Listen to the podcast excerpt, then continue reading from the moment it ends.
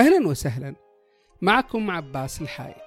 أقدم لكم بودكاست تشاكيل البودكاست المختص بالمسرح حيث نحاور فيه المسرحيين ونسائل تجاربهم ونفتح معهم ملفات المسرح.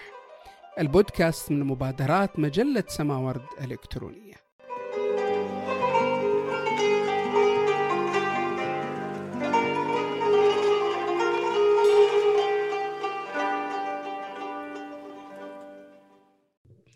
أهلا وسهلا.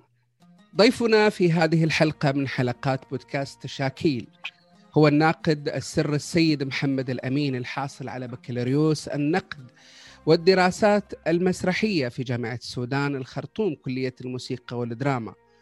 هو معد ومخرج ومقدم برامج سياسية ثقافية ومنوعات في الراديو والتلفزيون. هو أيضا ناقد وباحث في مجالات المسرح والدراما والسرد شغل عدد من المناصب منها مدير الإدارة العامة للبرامج والإنتاج. بالهيئة العامة للإذاعة والتلفزيون ومدير إدارة التخطيط والبحوث والجودة بالهيئة العامة للإذاعة والتلفزيون ومدير إذاعة الشباب والرياضة بالهيئة العامة للإذاعة والتلفزيون مدير إدارة البرامج التوثيقية والخاصة وغيرها من المناصب. له عدد من الكتب والدراسات والبحوث منها كتاب دوائر لم تكتمل كتابات في الدراما السودانية التمثيل مهنتي سيرة الممثل السوداني إبراهيم حجازي بلاغة الضحك سيرة الكاتب والممثل محمد شريف علي كتاب في أفق التساؤل كتاب ذاكرة لا تخبو من آه، مهرجان أيام الوقع المسرحي هيئة الخرطوم للصحافة والنشر. له أيضا عدد من الدراسات منها التجريب في المسرح العربي تبعية أم تثاقف توظيف التراث في المسرح السوداني الحكاية الشعبية في المسرح السوداني الموقع والشكل مسرح الكاتب الدكتور عبد الله علي إبراهيم دور الدراما المسرح في نشر آه، ثقافة حقوق الإنسان التمثيل والممثل في التجربة المسرحية السودانية وغيرها. آه، هو أيضا مسؤول عدد من المبادرات والأنشطة مثل آه، مسؤول برنامج المسرح من أجل التغيير.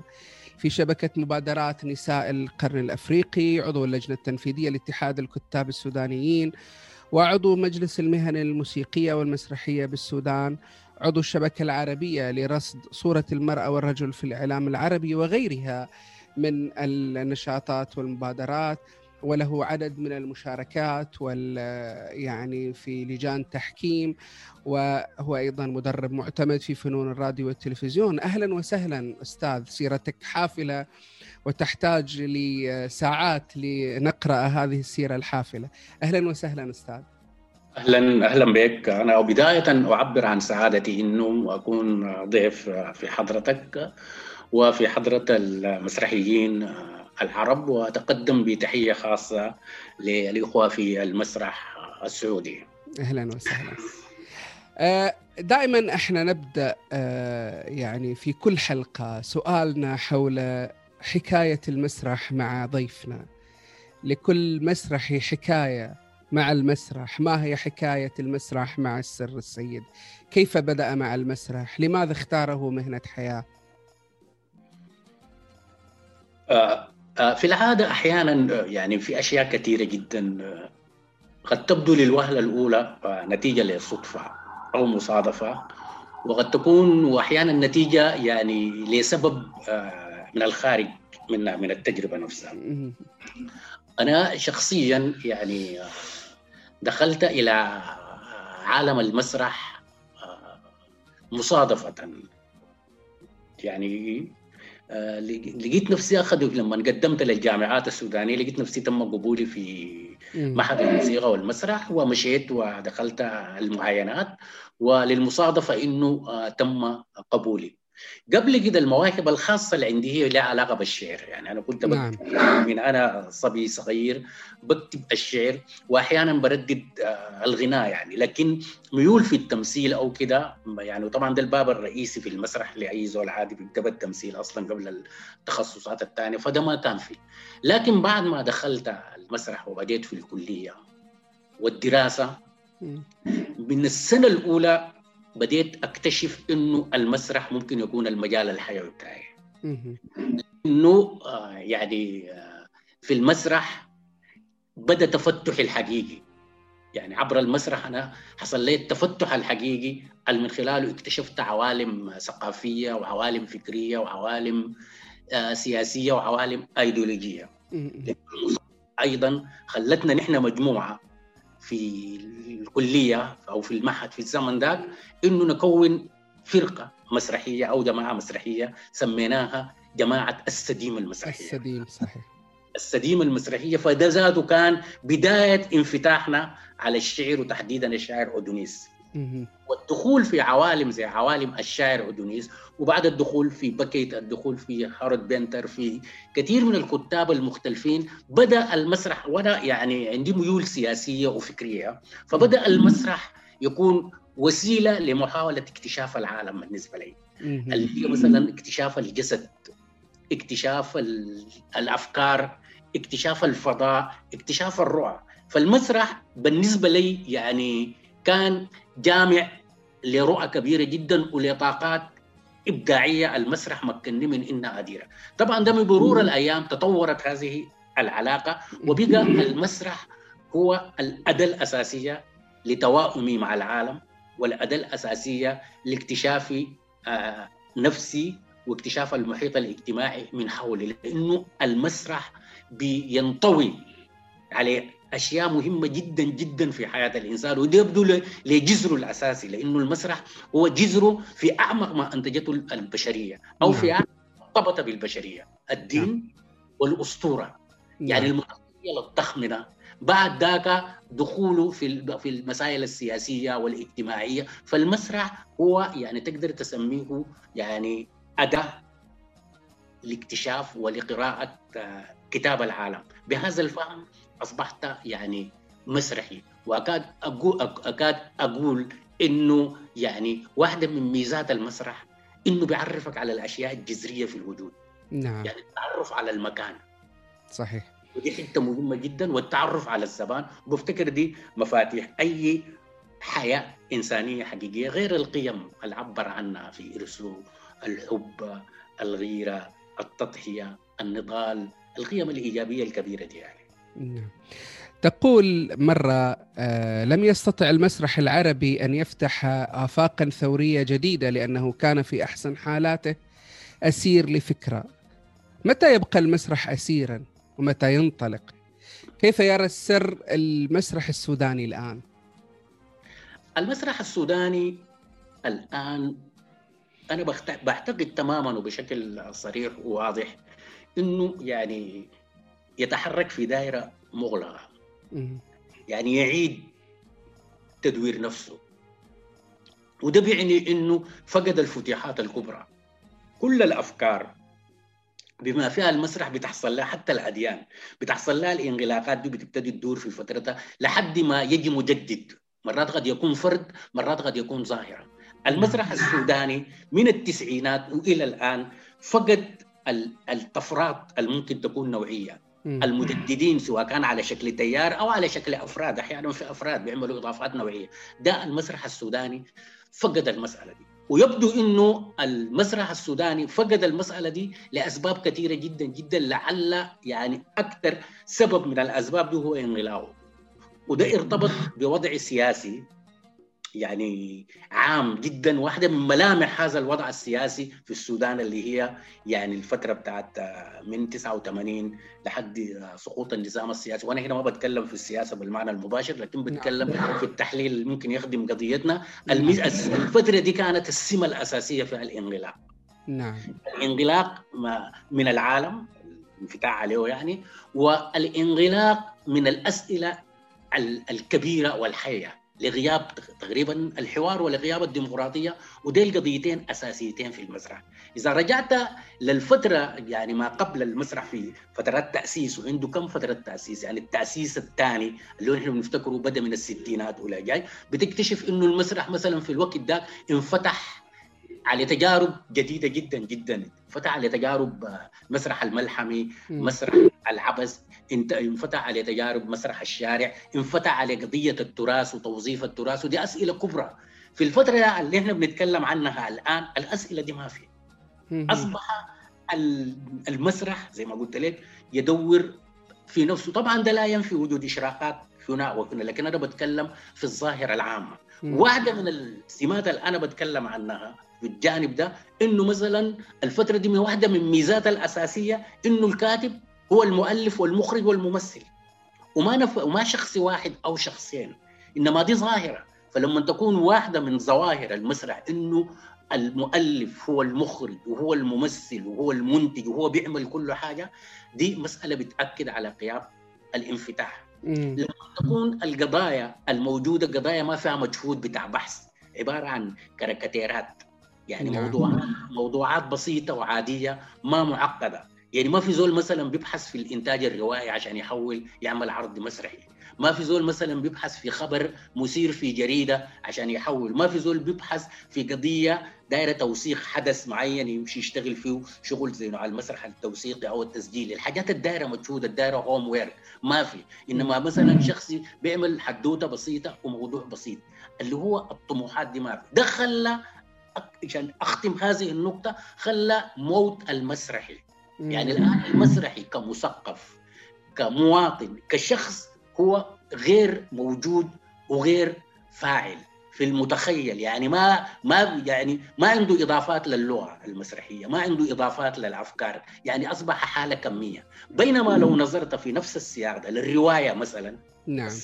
الأدب الروائي في السودان السودان من التسعينات إلى الآن يكاد يكون شكل ما يعرفه بعض النقاد بالانفجار الروائي. وفازوا بجوائز وحصلت ترجمات يعني بقى عندنا اسم في الوطن العربي المعقد جدا في الرواية صحيح. وحتى على مستوى إفريقيا. إنما في المسرح نحن يعني تجربة منغلقة يعني بتدور في نفسها مكفوله المسرح لا يعبر. الادله الأخيرة الان ممكن أقول انه إنه فقد جمهوره مثلا. ودي سمه أساسية جدا جدا للمسرح في السودان وتحول لسمه احتفالية. هو عبارة عن مهرجانات سنوية زي مهرجان البقعة وزي مهرجان عبد الكريم مرغني وزي مهرجان المسرح الحر ودي مهرجانات يعني سنوية. ومما يوصف ومما يوريك ما يعني يريك إنه في خلل ما إنه المهرجانات دي كلها بالمناسبة بتتعامل يعني من شهر واحد لمارس ثلاثة مهرجان دي كلها بتتعامل في شهر واحد. يعني حتى نعم.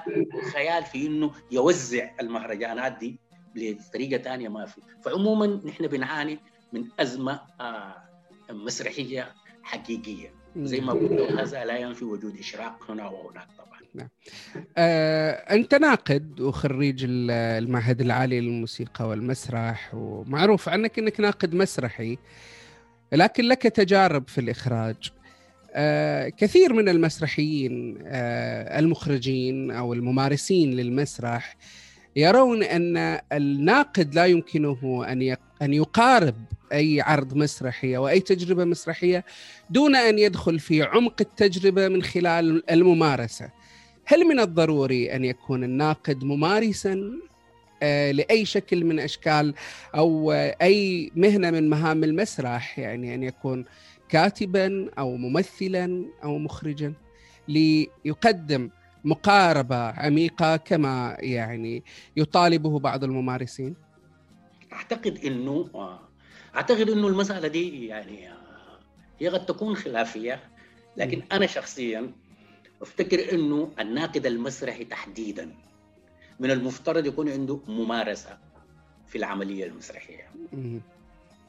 يعني يكون مارس التمثيل مثلا مارس الإخراج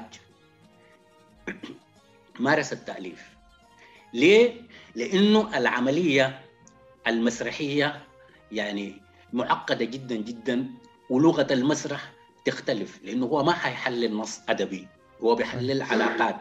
نعم. والكلام ده نحن لما بنقوله مش لأنه التجربة معناتها حتعلمه. لا التجربة حتساعده في إنه يكتشف العوالم ده كتاب الخشبة أنا بسميه يعني كتاب الخشبة أو ورقة الخشبة زي ما هناك الورقة في في القصيدة أو الورقة في النص الرواية أو في النص المسرحي عندها شروط معينة. الخشبة دي كحتة كمجال فضاء بيرى من المفترض يكون. وأنا بقصد شنو هنا؟ بقصد إنه يعني المسرح ونقد المسرح يعني شخص ما تذوق الحالات دي لأنه في التمثيل في أسرار خفية جدا جدا. الناقد لما يقدم مقاربة لعرض مسرحي لازم يكون مدرك للأسرار الخفية اللي بتتولد ما يعرف بطاقة الممثل. نعم. شخص ما جرب التمثيل بيكون عنده صعوبة في انه في إنه يعرف القصة دي. النص المسرحي نفسه هو غير النص اللي أنت حتقراه في الخشبة. النص الذي يعرض في الخشبة هو هو نص مشفر. يعني الكلمة الواحدة فيه عندها مدلولات غير المدلول اللي ممكن يديك له لما انت تقراه في الورقة.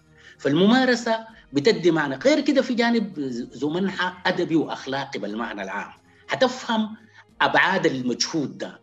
عشان مش بتجي بجرد قلم مثلا تطلع إنه العرض ده غير جيد والعرض ده جيد وما جيد. وحتفهم حاجة خطرة إنه النقد للعرض المسرحي هو نقد قايم على التفاصيل قايم على التفكيك والبناء وإعادة البناء والتفكيك وإعادة البناء. فبالمفهوم ده بيبقى من الأفضل إنه يكون الناقد المسرحي ممارس للعملية المسرحية.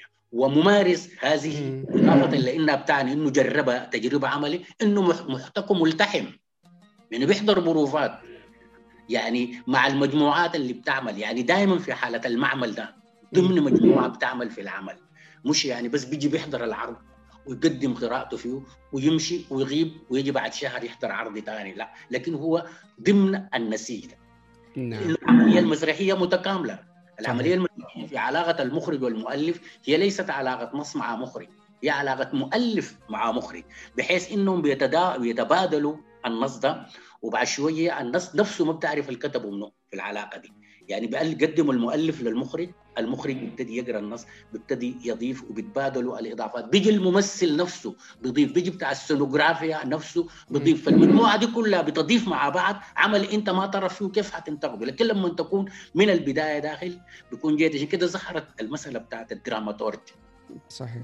دي واحدة من مهام ممكن يلعبها الناقد بيكون الأكثر تاهيلا في إنه يلعب المهمة دي. مع ملاحظة أخيرة ومهمة جدا جدا إنه كل العرض المسرحي فيه جينات نقديه يعني نعم. ليس وقفا على النقد يعني المخرج نفسه هو عنده الجين النقدي بحيث إنه بيفهم هذا النص عشان يحوله. الممثل نفسه عنده الجين النقدي بيفهم الشخصية وابعاد اللي هي دي حاجات نقدية يعني. السينوغرافيست برضه كلهم يعني. نعم. أتمنى إنه يكون وضحت أيوه واضح جدا. أه وصفت الحركة النقدية المسرحية عربيا بأنها حركة ضعيفة وليست بالمستوى المطلوب. وأول ملامح هذه الحركة هو عملها على اليومي أو ما يمكن تسميته مجازا بالنقد التطبيقي ولا تعمل على التنظير والتراكم.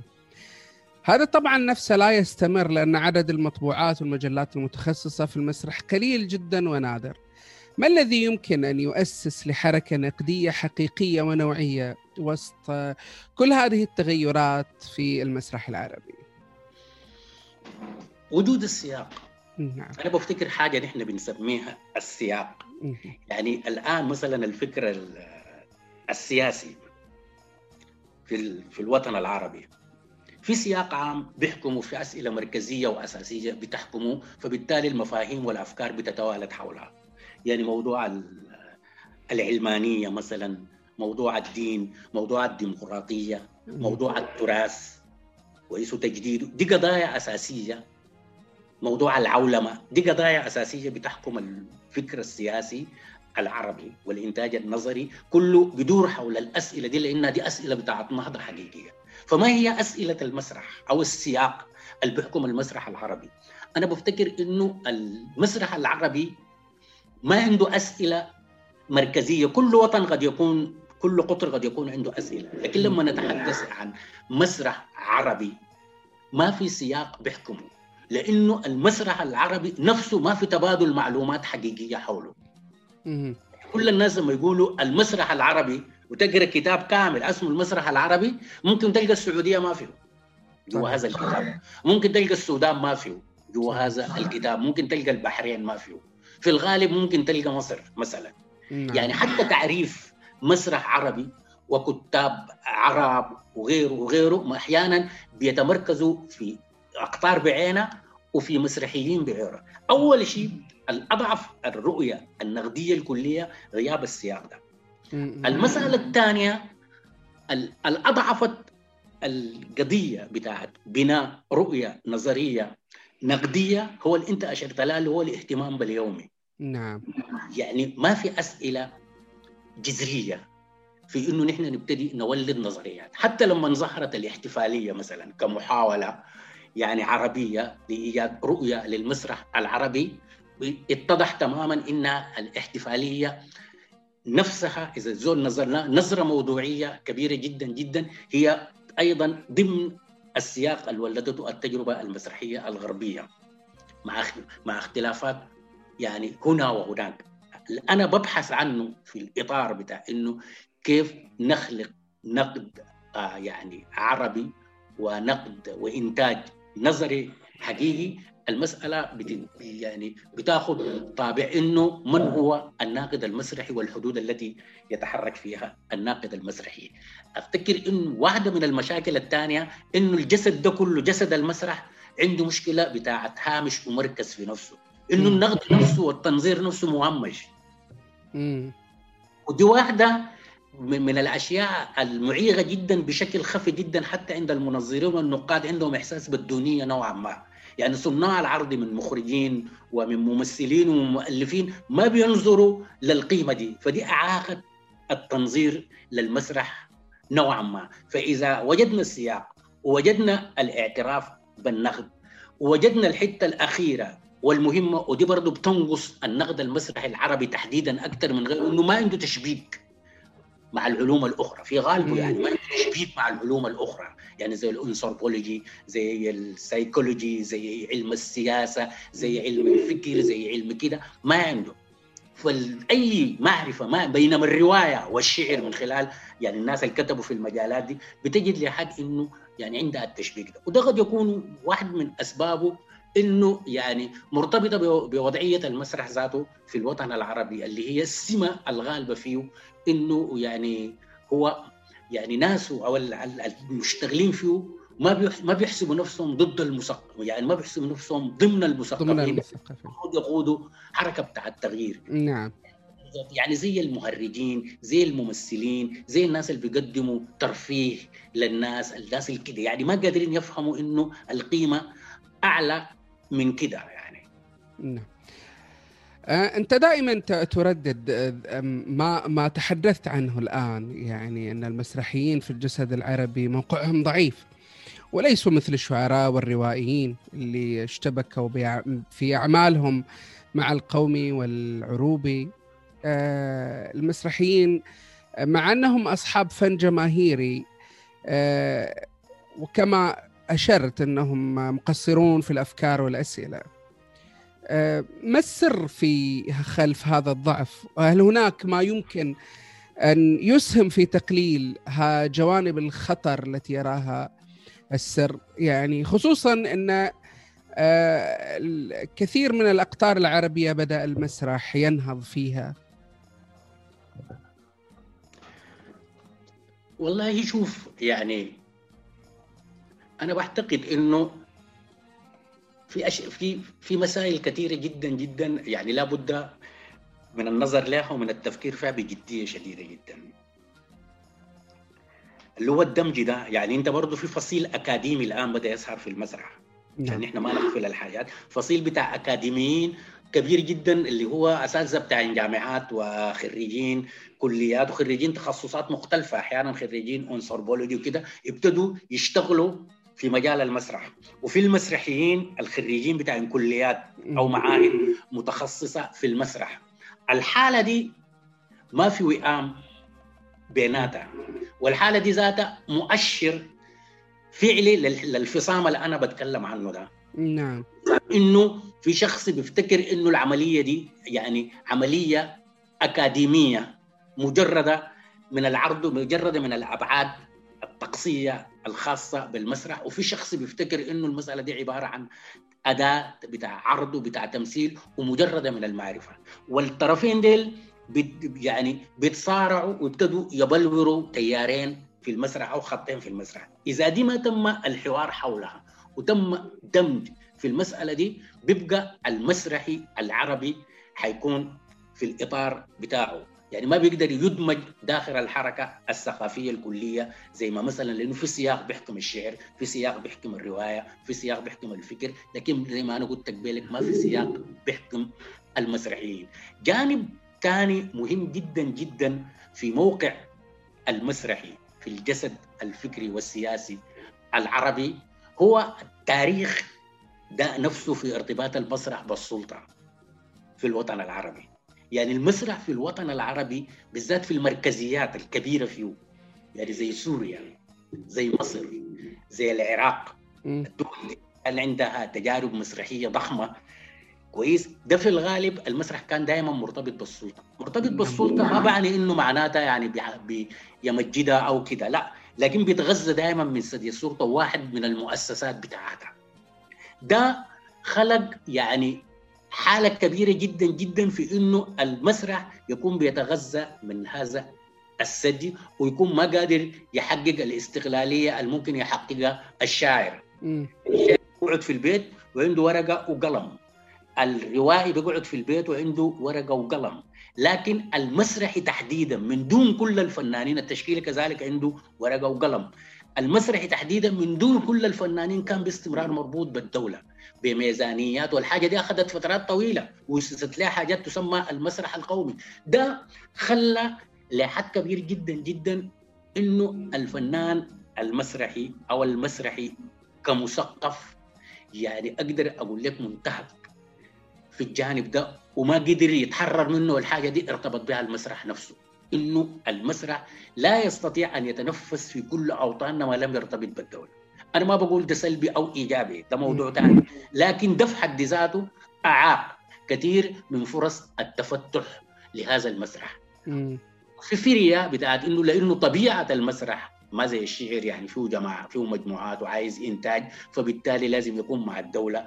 طبيعته إنه فن جماهيري يعني حيدخل في أطر بعينه يعني أنت حتخش مسرح وحيجوك ناس المسألة دي عندها تماس بالامن القومي أو الأمن العام سلبا أو ايجابا. فبالتالي أنت يعني الزاما لازم يكون عندك علاقة بالدولة. فده بكله يعني حيعني مسألة إنه المتنفس للمسرح نفسه بيكون فيه قدر من المشاكل. عشان كده من القضايا الغفل عنها المسرح العربي لفترات طويلة هو نقد هذه العلاقة والوصول لشكل جديد ولشكل مختلف. حتى الفرق ما يسمى بالفرق المستغلة دي نفسها أحيانا بتكون يعني واحدة من انتقاداتها الأساسية إنه الدولة ما مهتمة بها، هي مستغلة ومصرة إنه الدولة ما مهتمة بها، وفي الحتات الدولة مرات بتدفع لها يعني في دول الخليج مثلا يمولوا كثير من الفرق صحيح. والفرق الخاصة، غير الأخطر من ده أحيانا في واحدين بيتمولوا من تمويل أجنبي من مراكز ثقافية غربية ومن كده. نعم. المشهد ده بتاع بتاع المسرح عايز يعالج حاجتين اللي هي المسرحي والمسرح. المسرح قد يكون كعرض وكفن قد يكون بيحاول يكون مندمج في كثير من القضايا. لكن المسرحي نفسه الإنسان يعني البني آدم المسرحي ده هو عنده مشاكل كثيرة جدا في إنه يكون مندمج ضمن الجسد الفكري والجسد السياسي والجسد الثقافي. نعم. ما بفيد البكا ما بفيد كلامي. أحسن تنسي كيف ما أبكي؟ كيف؟ وفوت مراتع أنسي أفقد كل شي عزي ورجالي وجنسي.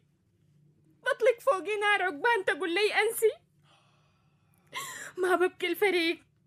ببكي الرجال قبال. شن طعم الفريق؟ ما بيوت شقاق وحبال. خراب وانتو حيين ما بمر بالبال. إلا يقع كتالا نلقى وبال.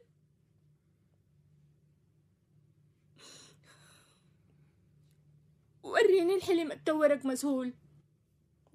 اصبري لي يا روق. ابدا الفكر مبهول. أحكي لك شنو؟ شفت والله مهول. شفت الوحدة. شفت النهار. شفت الهول. أحكي لك تمام. شفته ما بتغابة. جايين العصير. أنا وانت من الغابة. سايقالك بهم قدامي برقابه بيننا والفريق يتولع التقابة. قدر ما نشوف بعيد قدامنا نلقى حريق. بحصلنا الملوك ما لقينا لنا طريق. وقت النار علت ما شفنا تاني فريق.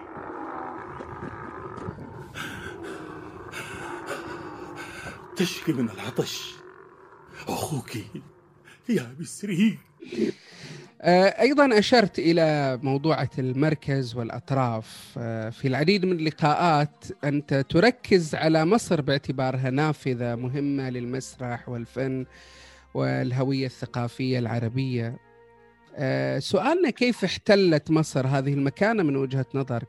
وهل يمكن أن نجد نموذج ثقافي مسرحي موجود في دول عربية أخرى غير مصر؟ مصر في مصر طبعا احتلت الموقع ده يعني منذ فترة طويلة جدا جدا.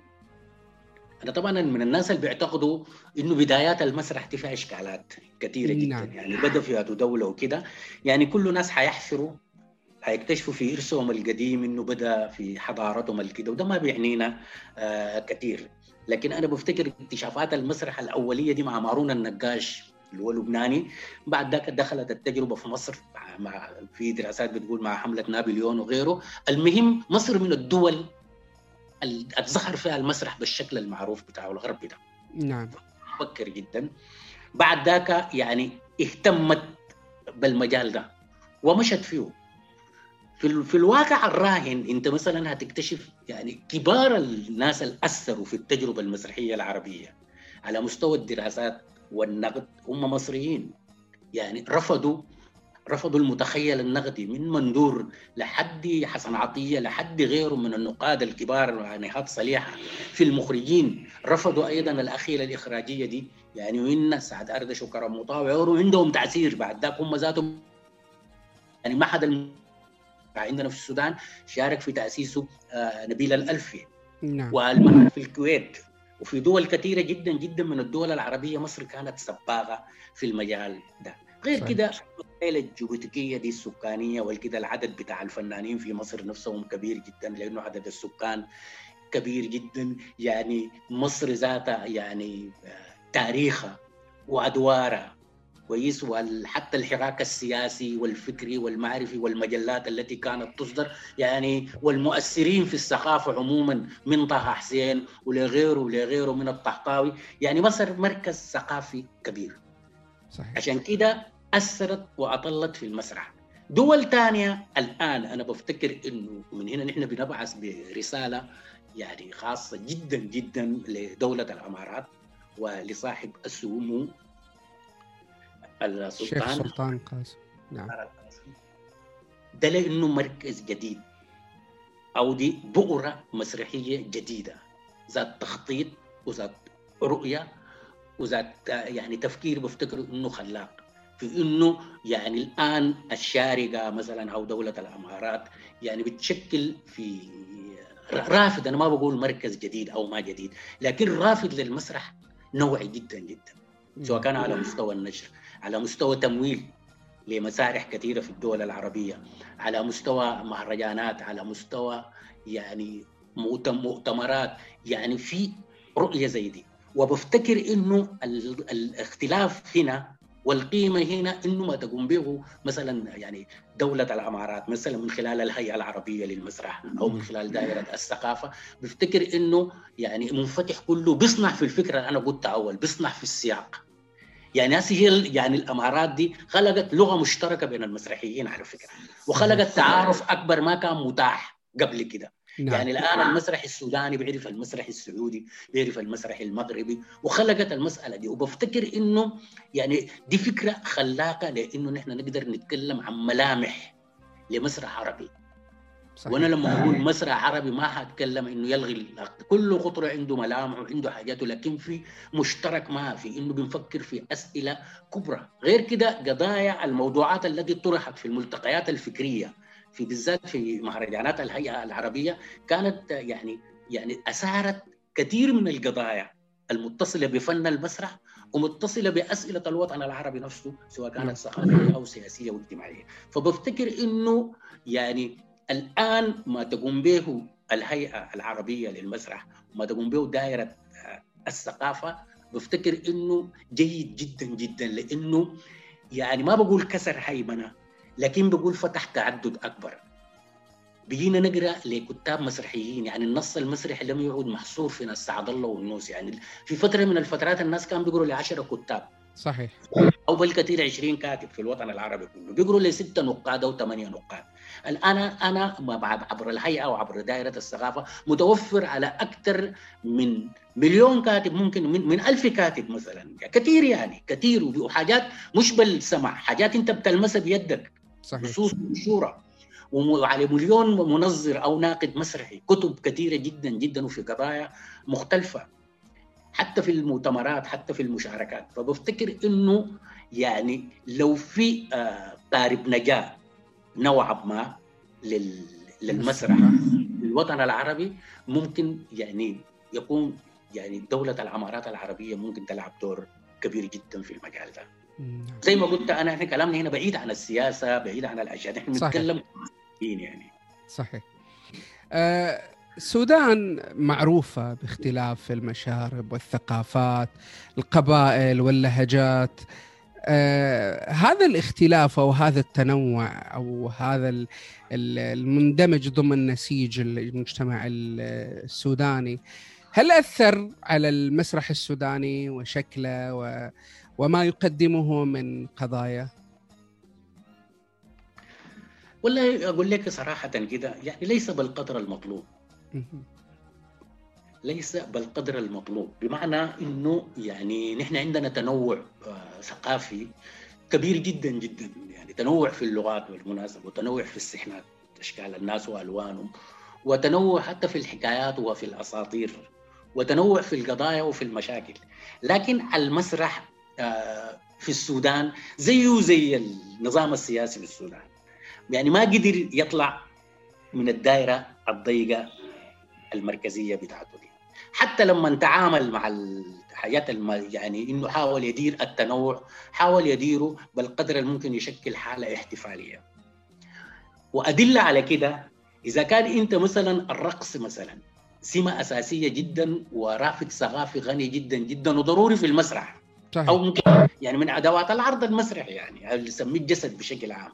إذا كان ده كله أنت م... ولا عندك ممثل واحد مدرب على الرقص السوداني ده. ودي إحنا عندنا ملايين الرقصات مثلا. مم. فكيف أنت حتشتغل في الجانب ده؟ إذا كان أنت عندك ملايين الحكايات وملايين القصص في ثقافتك أنت يعني ما ما مستغله وده مرتبط جبالك بمسألة أنا قلتها قبل كده ووصفت بها الحركة المسرحية إضافة للوصف اللي قلته هسه إنه هي حركة غير مثقفة. طيلة فترة. التسعينات. عدم انفتاحها مش على الخارج بس حتى على ثقافتها واشرت للسرد والرواية. ما استفادت منها فبالتالي ما استفادت من الأقانيم الفكرية والثقافية الشعبية وغيره. ما في يعني فأنا أقدر أقول لك إنه المسرح السوداني إلى الآن بيعبر عن هوية مركزية تقدر تسميها إرث الثقافة لحد العربية نوعا ما، يعني ما حاول يستثمر في الثقافات الثانية، على الرغم من إنه الثقافات الثانية عندنا في السودان متداخلة مع الثقافة العربية والثقافة العربية متداخلة معها. حصلت محاولات لكن كان فيها قدر من المشاكل، يعني بتجيب ممثلين أصلا هم ناطقين بالعربي. بيحاولوا يقلدوا يعني يعملوا عرض مسرحي يدخلوا فيه لغات سودانية ثانية ما بيجيدوها جيد يدخلوا لهجات بالعربي. ما اللهجات بالعربي ذاتها مختلفة. هسي مثلا في السعودية ممكن تلقى لهجة زول من نجد تفترق من لهجة زول من الرياض. في نفس اللغة العربية دي. في السودان برضو يعني لهجة ناس. الشمال تختلف من لهجة ناس الغرب. في العربي ده نفسه بيجي زول لإنه هو من ناس الشمال هنا ويحاول يشتغل لهجة مثلا بالعربي بتاع ناس دارفور أو بالعربي بتاع شرق السودان. بيفشل ودائما دي كانت بتعمل مشاكل لأن دي حساسة لما تنطق حاجات آه، بلهجة زول تنطقها خطأ أو بلغة زول تحكي حاجة خطأ بيكون فيها يعني مشكلة. مجمل القول إنه المسرح السوداني لم يستثمر بالقدر الكافي في هذا التنوع الثقافي المهول في السودان. نعم. آه، في كثير من لقاءاتك وأيضا كتاباتك تحدثت عن الإسلام. آه، ونعرف تماما إنه جاء وثيقة لتعامل إنسانية ربانية ولعب الفن فيه بشكل مختلف صار أداة ناعمة لعكس الثقافة. سؤالي هل ال هل ال ال الفن ضمن هذا السياق أو ضمن هذا ال ال ال- ضمن الرسالة الإسلامية هل هو حاجة أم هو ترفيه؟ الاثنين نعم يعني ضمن الرسالة الإسلامية اللي هي بالنسبة لنا نحن رسالة إنسانية ودي برضو واحدة من المشاكل في كثير من مفاهيمنا للدين. يعني نحن بنفتكر إنه القرآن نزل للمسلمين بس. نحن بنفتكر إنه القرآن نزل لكل الناس وبيأثر في كل الناس. الفارق الوحيد اللي بيكونوا أكثر التزاما به هم الذين آمنوا به. كأي حاجة في الدنيا بيلتزم بها الشخص الآمن بها لكن لا يعني إنها هي ما عندها فائدة أو قيمة أو تأثير في الآخرين. عشان كده الإسلام رسالة عالمية. بالمفهوم ده بيبقى يعني الإسلام الآن بالنسبة لي أنا كمسلم في القرن الواحد وعشرين إنه أنا ضمن الحضارة الموجودة دي. ومساهم في هذه الحضارة. يعني هذه الحضارة ليست غريبة عني لأنه الحضارة دي في جذرها الأساسي مش الحضارة الحسة كل الحضارات ما فيش حضارات عندها نقاء. كل الحضارات هي أمشاج ومتداخلة. حتى حتى ما يسمى بالحضارة العربية الكبيرة دي اللي سادت في فترة من الفترات هي كانت ملقحة بكثير من الحضارات الحولها. فبالتالي ما يسمى الآن بالحضارة الغربية أو الحضارة المهيمنة ملقحة بالكثير من قيم الثقافة الإسلامية. فبالمفهوم ده بيبقى المسرح هنا بيلعب الأدوار التي يحتاجها الإنسان الآن. الإنسان الآن يحتاج تنوير يحتاج تثقيف يحتاج تعليم يحتاج ترفيه. فبالتالي المسرح وفقا للرسالة الإسلامية اللي هي رسالة عدالة وحرية وسلام وكل القيم دي بيلعب الدور ده. الجانب المهم هنا ولا الناس مرات بواحدة من الإشكالات برضو في الفنون وفي نشأتها عندنا هنا يعني في الوطن العربي وحكم بحكم التقاليد يعني يعني حصرت في مكان ضيق. حتى الفنانين لو لاحظت لهم بيمارسوا الفن ده وبيحسوا إنهم هم في حاله حرام مؤقت. عشان كده بيجوا بتوبه يعني كأنه كان بيعمل حاجة غلط يبطل نهائي. يعني تلقاه كان بتمثل كده فجأة تتحجب تقعد في بيته. فجأة ذاته راجل يكون بيمثل كده فجأة يسيب. فبالتالي ده كأنه كان بيعمل في نزوة ما جاته عجل كده اسابه نحن لما نخلق التصالح ده كويس وجذوره والتصالح ده نخلقه بيبقى يعني ضمير الفنان المنتمي للمسلم يعني بشكل عام. كويس ومؤثره فيه الثقافه الاسلاميه إنه يكون قادر يفهم إنه الفن ده فن المسرح وأي فن بيلعب الادوار دي أنا حاولت أناقشه في ورقة كان قدمتها في في الشارقة. كانت اسمها عاملاها برضه عاملينها هم ناس دائره الثقافة. كانت رؤى إسلامية في المسرح العربي. يعني العربي ده مليء تماما. يعني قيم العدالة اللي فيه منبعها وين؟ منبع الثقافة الإسلامية. الأبطال نفسهم يعني كثير من الشخصيات التي قدمت زي سيدنا بلال مثلا زي الإمام الحسين دي كلها شخصيات موجودة في الثقافة العربية وقدمت وكانت شخصيات ملهمة لقيم العدالة ولقيم الحق. فبالمفهوم ده يعني الإسلام بالمفهوم ده ممكن يلعب دور كبير جدا جدا لسبب ثاني إنه المسرح واحدة من نتائج الحوار الحضاري في العالم. نعم. لأنه المسرح جذره المسرح اللي إحنا بنفهمه يعني مش المسرح بتاع الظواهر وما الظواهر ده لا المسرح العديل ده الكتاب غربي لكن هذا المسرح الآن فالمسرح ده لأنه جذره غربي لكن تداخل الآن.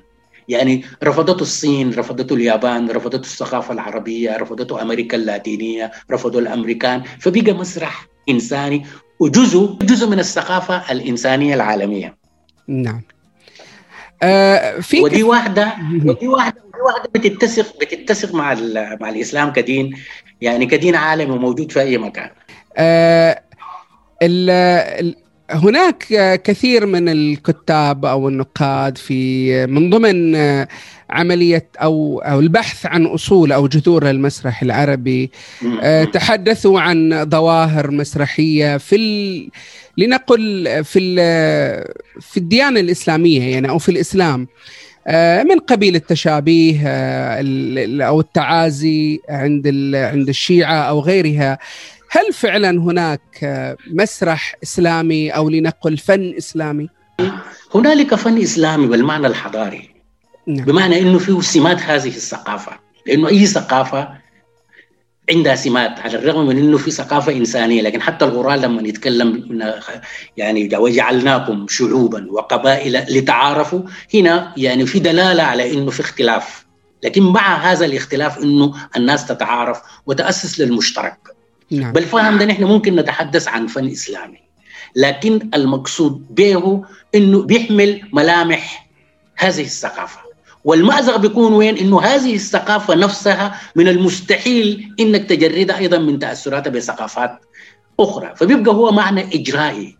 مرات قد يأخذ معنى معنى جغرافي قد يأخذ معنى يعني سياسي مثلا المسرح السوداني كده المسرح فالملمح ده موجود. لكن مسرح إسلامي بالمعنى اللي بتطرحه بعض الجماعات أو فن إسلامي إنه يعني عنده رؤية مختلفة تماما عن الرؤى الثانية للمسرح أو للفن. المسألة دي يعني فيها إشكالات. أنا لما أتحدث مثلا عن عن أي مسرحية من المسرحيات لأنه ده لما يتحدث عن مسرح إسلامي بالمناسبة حتى مسرحية الحسين شهيدا. نعم. ما نحسبها مسرحية إسلامية. يعني ممكن يتحدث عن مسرحية يعني قايمة فيها مثلا كلام الله أكبر كده يعني حاجة يعني إحنا شفنا النوع اللي بيسموه مسرح إسلامي. لكن أنا لما أتحدث عن مسرح إسلامي كل المسرح العربي ده أنا بفتكر إنه هو مسرح يعني عبر عن الثقافة الإسلامية. عبر عن قيم الإسلام العليا يعني مثلا رأس المملوك جابر أو أي مسرحية لأي كاتب عربي موجود يعني بتلقاها عبرت عن دي ففكرة التاصيل بتاع الظواهر دي والقياسات نفسها فيها مشكلة. فعلا التعازي الشيعية دي فيها فيها الملمح العام بتاع العرض. لكن أنت عايز تثبت شنو أصلا؟ أنت عايز تثبت إنه الحاجة اللي انت جاياك من برا دي أصلا موجودة في ثقافتك ما هي الضرورة لإنها تكون موجودة في ثقافتك إذا كان انت حتى الاكتشاف نفسه إنك بديت تسميها إنها ظواهر مسرحية بعد ما تعرفت على فن المسرح. فبالتالي يعني انت ما محتاج دي طقوس كبيرة جدا جدا وموجودة حتى ما في ثقافتك بس. موجودة في كل الثقافات ودي إن دلت على شيء إنما بتدل على إنه يعني التصالح مع المسرح الوافد ده لأنه جزء من ثقافتك فيه التعبيرات على الزيتي اللي هو الجسد والطقس والمسائل دي. أنا عشان كده بال بالمفهوم ده يعني أنا ضد مصطلح يعني فن إسلامي نعم. ومسرح إسلامي إلا اللهم لما نتحدث عن بعض نتكلم عن الفنون الإسلامية والزخرفه الإسلامية ممكن لكن فن عنده خصوصية فنية وعنده يعني أبنية معينة ما احتاج نعم. أه هل يمكن للمسرح أن يكون فن أه للتغيير؟ يعني خاصة إذا تناول قضايا اجتماعية أو سياسية آه، وهل يكون له أثر في تغيير الأوضاع؟ يعني مثلا انه يقدم حلول لقضايا مثلا كزواج القاصرات أو قضايا المرأة أو حقوق الإنسان أو الطائفية والعرقية وغيرها. أم أن المسرح فن بعيد عن مسألة التغيير أو أو أن يشكل أثر اجتماعي؟ هو شوف الف... ال... ال... ال... ال... هو التغيير دائما دعوة للتغيير هو ما في تفكير أصلا بيقود للتغيير أو بيصنع عشان نكون دقيقين بيصنع التغيير الفكر عموما يعني كان في المسرح في غير المسرح. واحدة من مهامه هو التنوير إنه ينور الناس. المسرح عنده هذه الخاصية لأنه المسرح فن فن الحوار. القيمة الأساسية الممكن يطرحها المسرح وهو يحاول يعلم ثقافة حقوق الإنسان مثلا يحاول يعلم الناس مثلا الاحتراز مثلا من الكورونا. نعم. الاحتراز من الإيدز. الفن كوسيلة عنده القدرة دي في إنه بيثير يعلمه الديمقراطية مثلا بيثير التساؤلات فبيوفر فرصة لأنه الناس تفكر وتشكل مثلا ذهنها وتشكل عقلها وتختار. لكن هو لا يستطيع أن يحمل الناس على أنهم يغيروا سلوكهم. وليست هذه من مهام المسرح. مهام المسرح هو يعني إسراء الحوار. هو يعني يقظة الآخرين جعل الآخرين أحياء جعل الآخرين نشطاء جعل الآخرين يفكرون. وده ما بيتم إلا إذا المسرح نفسه كان ديمقراطي. نعم. نفسه الرسالة بتاعته تكون ديمقراطية المفروض يكون فيها براحات للطرف الثاني. وافتكر الملحمية حاولت تعمل مسألة زي دي. إنه إنه المتلقي ده ما يكون متلقي يكون مشارك. وعشان يكون مشارك معناه أنت ما بتمتلك الحل كله. وافتكر دي واحدة من السمات الأساسية في المسرح بتاع أوغست باولو اللي هو مسرح التعليم مسرح المقهورين. إنه مسرح المقهورين بيشرك الناس في انهم الحل شنو طيب. وأفتكر بالفهم ده إنه المسرح بيساعد في إنه ينور الناس ويعلم الناس ويتيح لهم فرصة الاختيار اللي هم عايزين يختاروه لكنه لا يستطيع أن يحملهم على إنهم يختاروا حاجة وليست هذه من مهامه ودون مسرح فشل. اللي هو المسرح الهتافي المسرح السياسي المباشر. ده انتهى هسه الآن في الوطن العربي وكانت ردة الفعل له أسوأ. لما اتخلق النوع من المسرح القايم على يعني على يعني استثمار في الجسد مجاني. يعني ممكن تحضر عرض مسرحي ما تفهم الرسالة أصلا فيها شنو. ومسرح يعني فاقد مرات كثيرة جدا جدا لكثير من المرجعيات العامة في ثقافة الناس. يعني كل ثقافة عندها مفهوم للجسد وعندها حدود للجسد وعندها محرمات في الجسد. ما في ثقافة ما عندها محرمات في الجسد. صحيح. يعني في أمريكا دي حوض السباحة ده مثلا عنده قوانين معينة. نعم. صح؟ صحيح. يس في حرمات ما يعني؟ في الشارع الشارع مثلا في الغرب ده كله عنده قوانين معينة. فالمساحات دي في كل ثقافة عندها حاجتها. فنحن يعني كرد فعل للمسرح السياسي الفج ظهر نوع المسرح اللي بيقول له غرفة. يحضروا 10 انفار يحضروا خمسة انفار ويعني والمخرج يكون محتفي جدا جدا إنه الناس ما فاهمين. أنا بفتكر إنه دي دي معضلة يعني. ما ما أفتكر إنه دي ما حاجة ما حاجة إيجابية. لإنه نحن مفروض ننشر الحوار في العالم. نعم. وننشر طالما إنه بننشر الحوار في العالم فبالتالي بننشر الحرية فبالتالي بننشر الفرح فبالتالي بننشر التفكير فبالتالي بننشر الإنسانية. أي محاولة للتشيع يعني عشان كده حتى المسرح الرقمي المسائل دي كلها قضايا والمناسبة يعني بتحتاج بتحتاج لقدر يعني لقدر من التفكير يعني. نعم. آه، أنت لك دراسة آه، عنوانها عنوانها التجريب في المسرح العربي تبعية أم تثاقف. وضعت فيها عديد من التساؤلات والاستفهامات. أنت الباحث المعرفي تبحث عن إجابات وأعتقد أنك تطرح أيضا أسئلة لتضع مساحة للحوار مع الآخر. هل مسرحنا العربي فعلا هو مسرح تابع أم أنه انتقل لزاوية التأثير الجاد زاوية آه، آه، أن أن يستقل بملامحه. وخاصة أنك تحدثت عن مسرح الغرفة وكثير من من الأشكال المسرحية التي آه، يمكن أن تصنف على أنها مسرح ضمن دائرة التجريب. أنا طبعا كان فكرتي الأساسية إنه يعني فكرة التعصيل دي فكرة مشوشة. هي الأزمة في فكرة التعصيل والفكرة دي نفسها هي ارتبطت بتفكير سياسي أنا بفتكر الآن هو نفسه داخل في مآزق كثيرة اللي هو التفكير القومي وتحديدا التفكير القومي العربي. ده لأنه لما تبتدي تبتدي تتكلم عن تعصيل أنت باستمرار حيكون عندك إحساس بأنه في حاجة وافدة. نعم. يعني في حاجة أصلية بتاعتك أنت وفي حاجة وافدة منك. يا إما حترفض الوافدة ده, ده نوع من الناس بيرفض الوافد. يا إما بتحاول تخلي الوافدة دي تتوائم معاك ويكون عندك إحساس كأنه هي ما هي حاجة. إنما بضاعتك ردت إليك. أنا ده كله شايفه ما عنده معنى. نحن يعني نتكلم عن المسرح في العالم ونعيد صياغته بتجربتنا العادية في حياتنا وبيبقى حقنا نحن. يعني أنا ما بشوف إنه المسرح ده still غربي. المنشأ. عشان كده يقول لك المسرح السعودي ام المسرح في السعودية. ليه يا أخي؟ إذا كان المسرح في السعودية له 40 سنة يبقى المسرح السعودي. يعني في ناس still مصرين. يقول لك لحد الآن إحنا ما عملنا المسرح القايم على ثقافتنا كل ما نقدمه هو المسرح المتأثر بالغرب. طب ما أنت عندك البرلمان سواء كان برلمان محلي برلمان الكبير ما عندك أشياء كثيرة جدا جدا. جزء من الحضارة الموجودة واللي هي ليست غربية في جذورها زي ما نحن قلنا إنما هي حضارة إنسانية. فبيبقى بالمفهوم ده التجريب في المسرح مسألة بتاعت سيرورة يومية.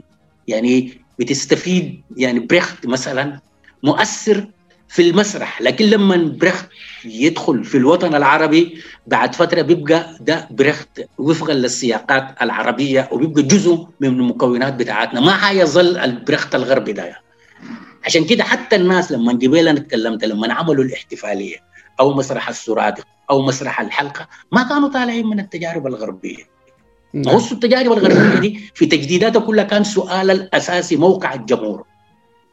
وين؟ موقع الجمهور وين في الملحمية في كل في المسرح الشارع في كل التجارب دي دي الأسئلة. أنت في المسرح الاحتفالي في غيره برضه سألت نفس السؤال. نعم. يعني ما حتى حتى ما طرحت أسئلة جديدة. ولما بتتكلم يعني إنه المسرح ما يغيب الناس ويشتركوا فيه والمشاركة دي موجودة في المسرح الغربي في كثير من مدارس المسرح الغربي. فده إن دل على شيء بيدل على إنه يعني فكرة فكرة الخصوصيات لدرجة التطرف دي فكرة ما سليمة. عشان كده أنا لما انت سالت إنه يعني التجريب في المسرح العربي تبعية أم تساقف حاولت أنسف إنه يعني فكرة التبعية دي غير واردة والناس كانوا مدركين من مارون النقاش ليه مشى عمل ناس هارون الرشيد هو. مثلا يعني ليه لما عمل المسرحيات بتاعته دي لجأ للتراث؟ لأنه مدرك تماما إنه يعني كده وده بيبقى من المسرح الغربي. عشان كده القصة يعني مش مش في الشكل ده يعني.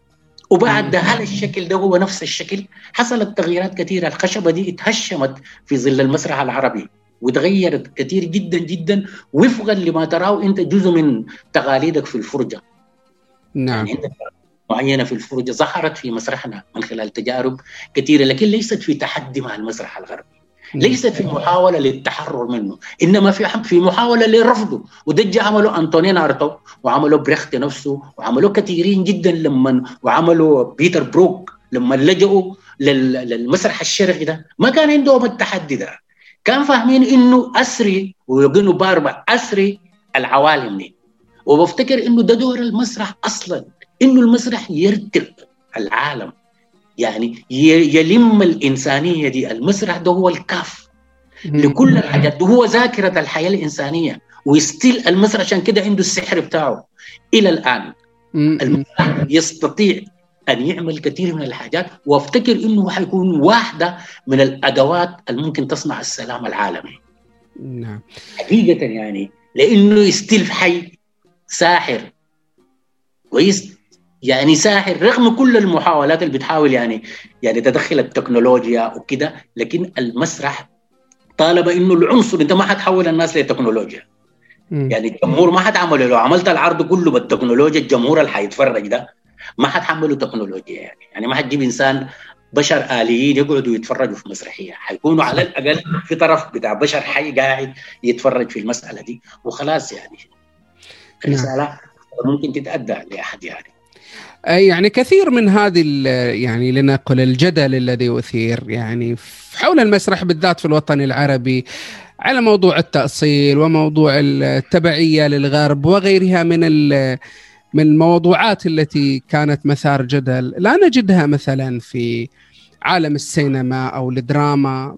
آه، السينما هي منت... يعني اختراع غربي الدراما اختراع غربي ولكن قدم بشكل عربي دون بعيدا عن كل هذه السجالات.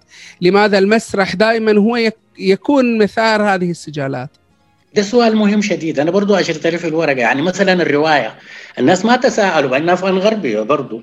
نعم. كويس البرلمان برضو أنا ضربت مثل كان في الدراسة بتاعتي بالبرلمان. كل الناس زي هسه حتى بتاعنا المسرح دي أكثر ناس دايرين برلمان. بحكم انهم عندهم إحساس ديمقراطي صحيح؟ يعني صحيح. المسرحيين أكثر ناس بيقولوا نحن دايرين حريات وديمقراطيات ولما تقول لك ديمقراطيه شنو؟ بيكون منتظر يعملوا له برلمان، البرلمان ده بشكله إن إحنا بنعرفه. ده فيه شكل غربي، التعليم الحديث ده نفسه يعني حتى نعم. تعليم الفنون يعني بعدين كلها حاجات بالتأثيرات، فليه المسرح ده الدليل اللي أنا قبل اتكلمت عنه، إنه المسرحي في المسرح وعنده سيرورته. وعمليا المسرح لما تجي تدرسه بشكل محايد هو متداخل مع الثقافه الغربية ومتصالح معها ومضاد لها في حتات ومستفيد من ثقافته ومضاد لثقافته بحكم طبيعته كفن. لكن المشكلة في المسرح أنا قبل قلت المسرح ما زي الروائي لا زي الشاعر ولا زي السياسي. المسرحي لحد كبير جدا جدا يعني بحكم دي دي مسألة دايرة دراسة بالمناسبة. إنه يعني أول شيء التس يعني السياسة فيه ما كثيرة. يعني التربية السياسية والانتماءات السياسية والحاجات زي دي في المسرحيين عموما يعني ما بتلقاه زي ما مثلا عند الشعراء عند عند الفنانين الثانيين بفتكر يعني ضعف الرؤية السياسية. أنا طبعا حاد شوية في الكلام ده قاعد أقوله وما بعممه طبعا لكن ضعف الرؤية السياسية يعني كانت سمة أساسية من سمات المسرحيين. الجانب الثاني إنه ارتباطاتهم يعني الطويلة بالسلطة. والمسرح ده ذاته نشأ في كنف السلطات القومية دي تحديدا. سواء كان في سوريا سواء كان في العراق سواء كان في مصر دي أكثر حواضن قوية أسست للمسرح وخدمته ما بنقول لا. يعني خدمته كثير جدا لكن ولدت التفكير تفكير البحث عن ظواهر تفكير التعصيل تفكير التفكيرات الزي دي يعني. فخلت دائما يعني بتلقى هو نفس المسرحي ده. ممكن يكون روائي في جانب ثاني في الرواية ما قاعد يسال الأسئلة. ممكن يكون سينمائي. ما بيسال الأسئلة دي. نعم. لكن لما يجي في المسرح يتساءل الأسئلة دي. الجانب الثاني وما عارف إنه ليه ليه السؤال ده في المسرح. لإنه الأوائل الناس يعني اللي ابتدوا يكتبوا في المسرح انشغلوا بالفكرة بتاعت إنه يعملوا قالب مسرحي. ناس توفيق زي آه، توفيق الحكيم وغيره وكده يعني السؤال بتاع التأصيل ده ده واحد من السؤال ده بتلقاه في المسرح أكثر يعني من غيره. واللي هي دي فيها برضو شبهة الناس ما وقفت عندها كثير اللي هي شبهة الجمهور. م. يعني بيفتكروا إنه الجمهور عشان تأدي رسالة تقدم له رسالة لازم تجيب له شكل بيألفه.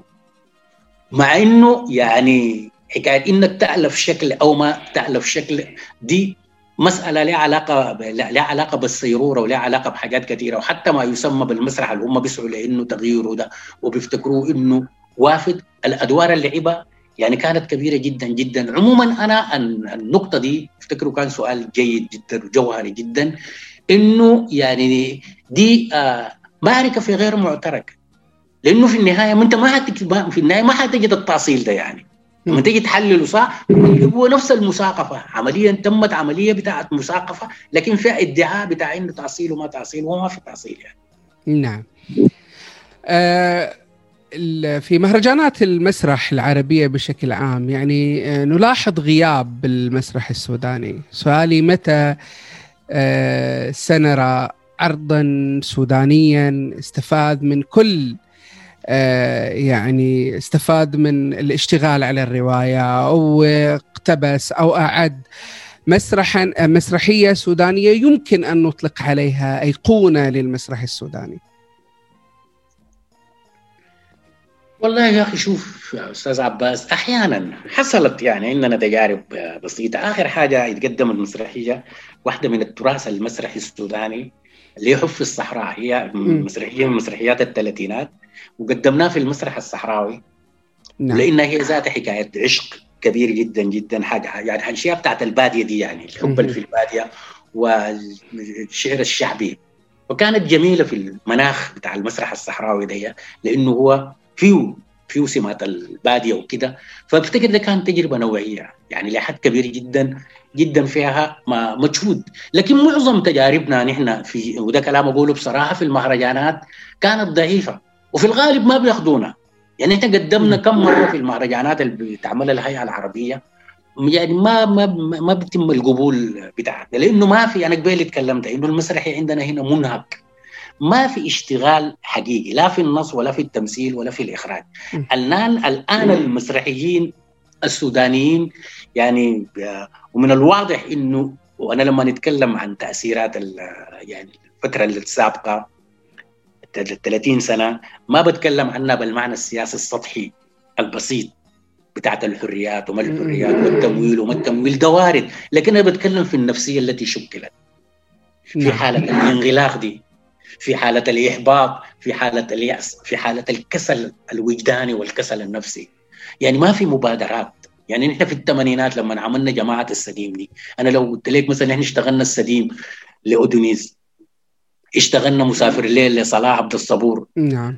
اشتغلنا عليها ذات القلب الصغير لنبيل الألفي جثة على الرصيف لسعد الله ونوس اشتغلنا لبنتر اشتغلنا لبكت اشتغلنا لبريخت اشتغلنا لكل الكتاب ديل. ونحن لسه شباب لكن في الحالة دي بتاعت الانفتاح. اللي هي لسه موجودة في دول عربية.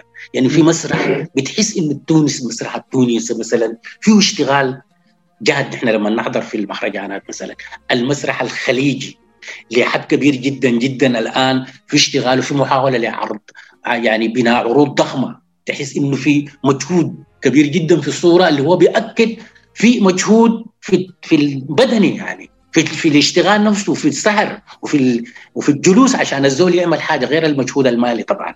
فنحن هنا يعني عندنا في السودان المسألة دي آه عايزة تغيير وبنفتكر في الوضع الجديد الوضع الديمقراطي الجديد ينبغي على المسرحيين إنه يلتفتوا للفكرة دي لإنه المسرح في السودان عبر تاريخه كان عنده كثير من الإشراقات سواء كان في مهرجانات داخلية أو مهرجانات خارجية أو حتى مواسم مسرحية اللي هي السمة اللي بدا يفتقدها دي آن الأوان إنه الناس يرجعوا. أنا كنت صريح جدا معك في النقطة دي إنه نعم. إحنا المسرح السوداني الآن منهك ولا يستطيع أن يشارك مشاركة جادة في مهرجانات آه، جادة زي اللي إحنا بعض العروض اللي بنشوفها.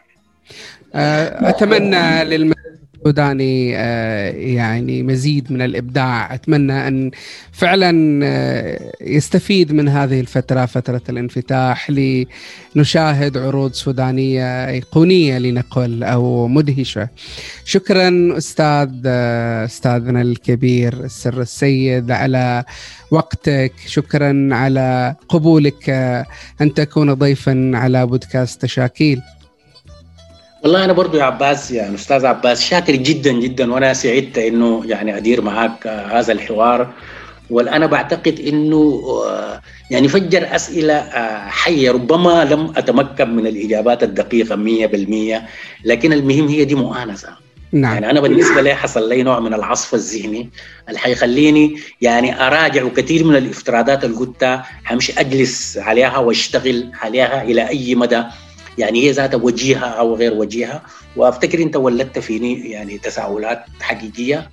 أنا يعني آه، شاكر جدا جدا لهذه الاستضافة ولهذا الحوار الثر والشيق. شكرا شكرا لك. شكرا لك. إلى اللقاء.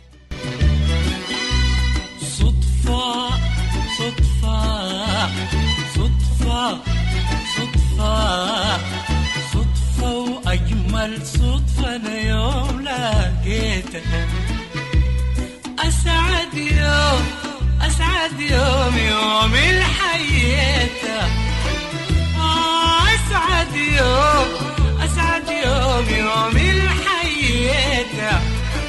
نور عيني يا ما حبيته نور عيني يا ما حبيته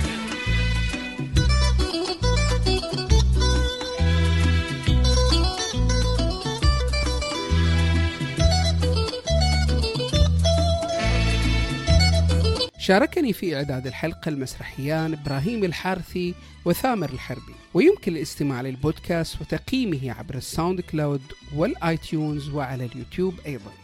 إلى اللقاء.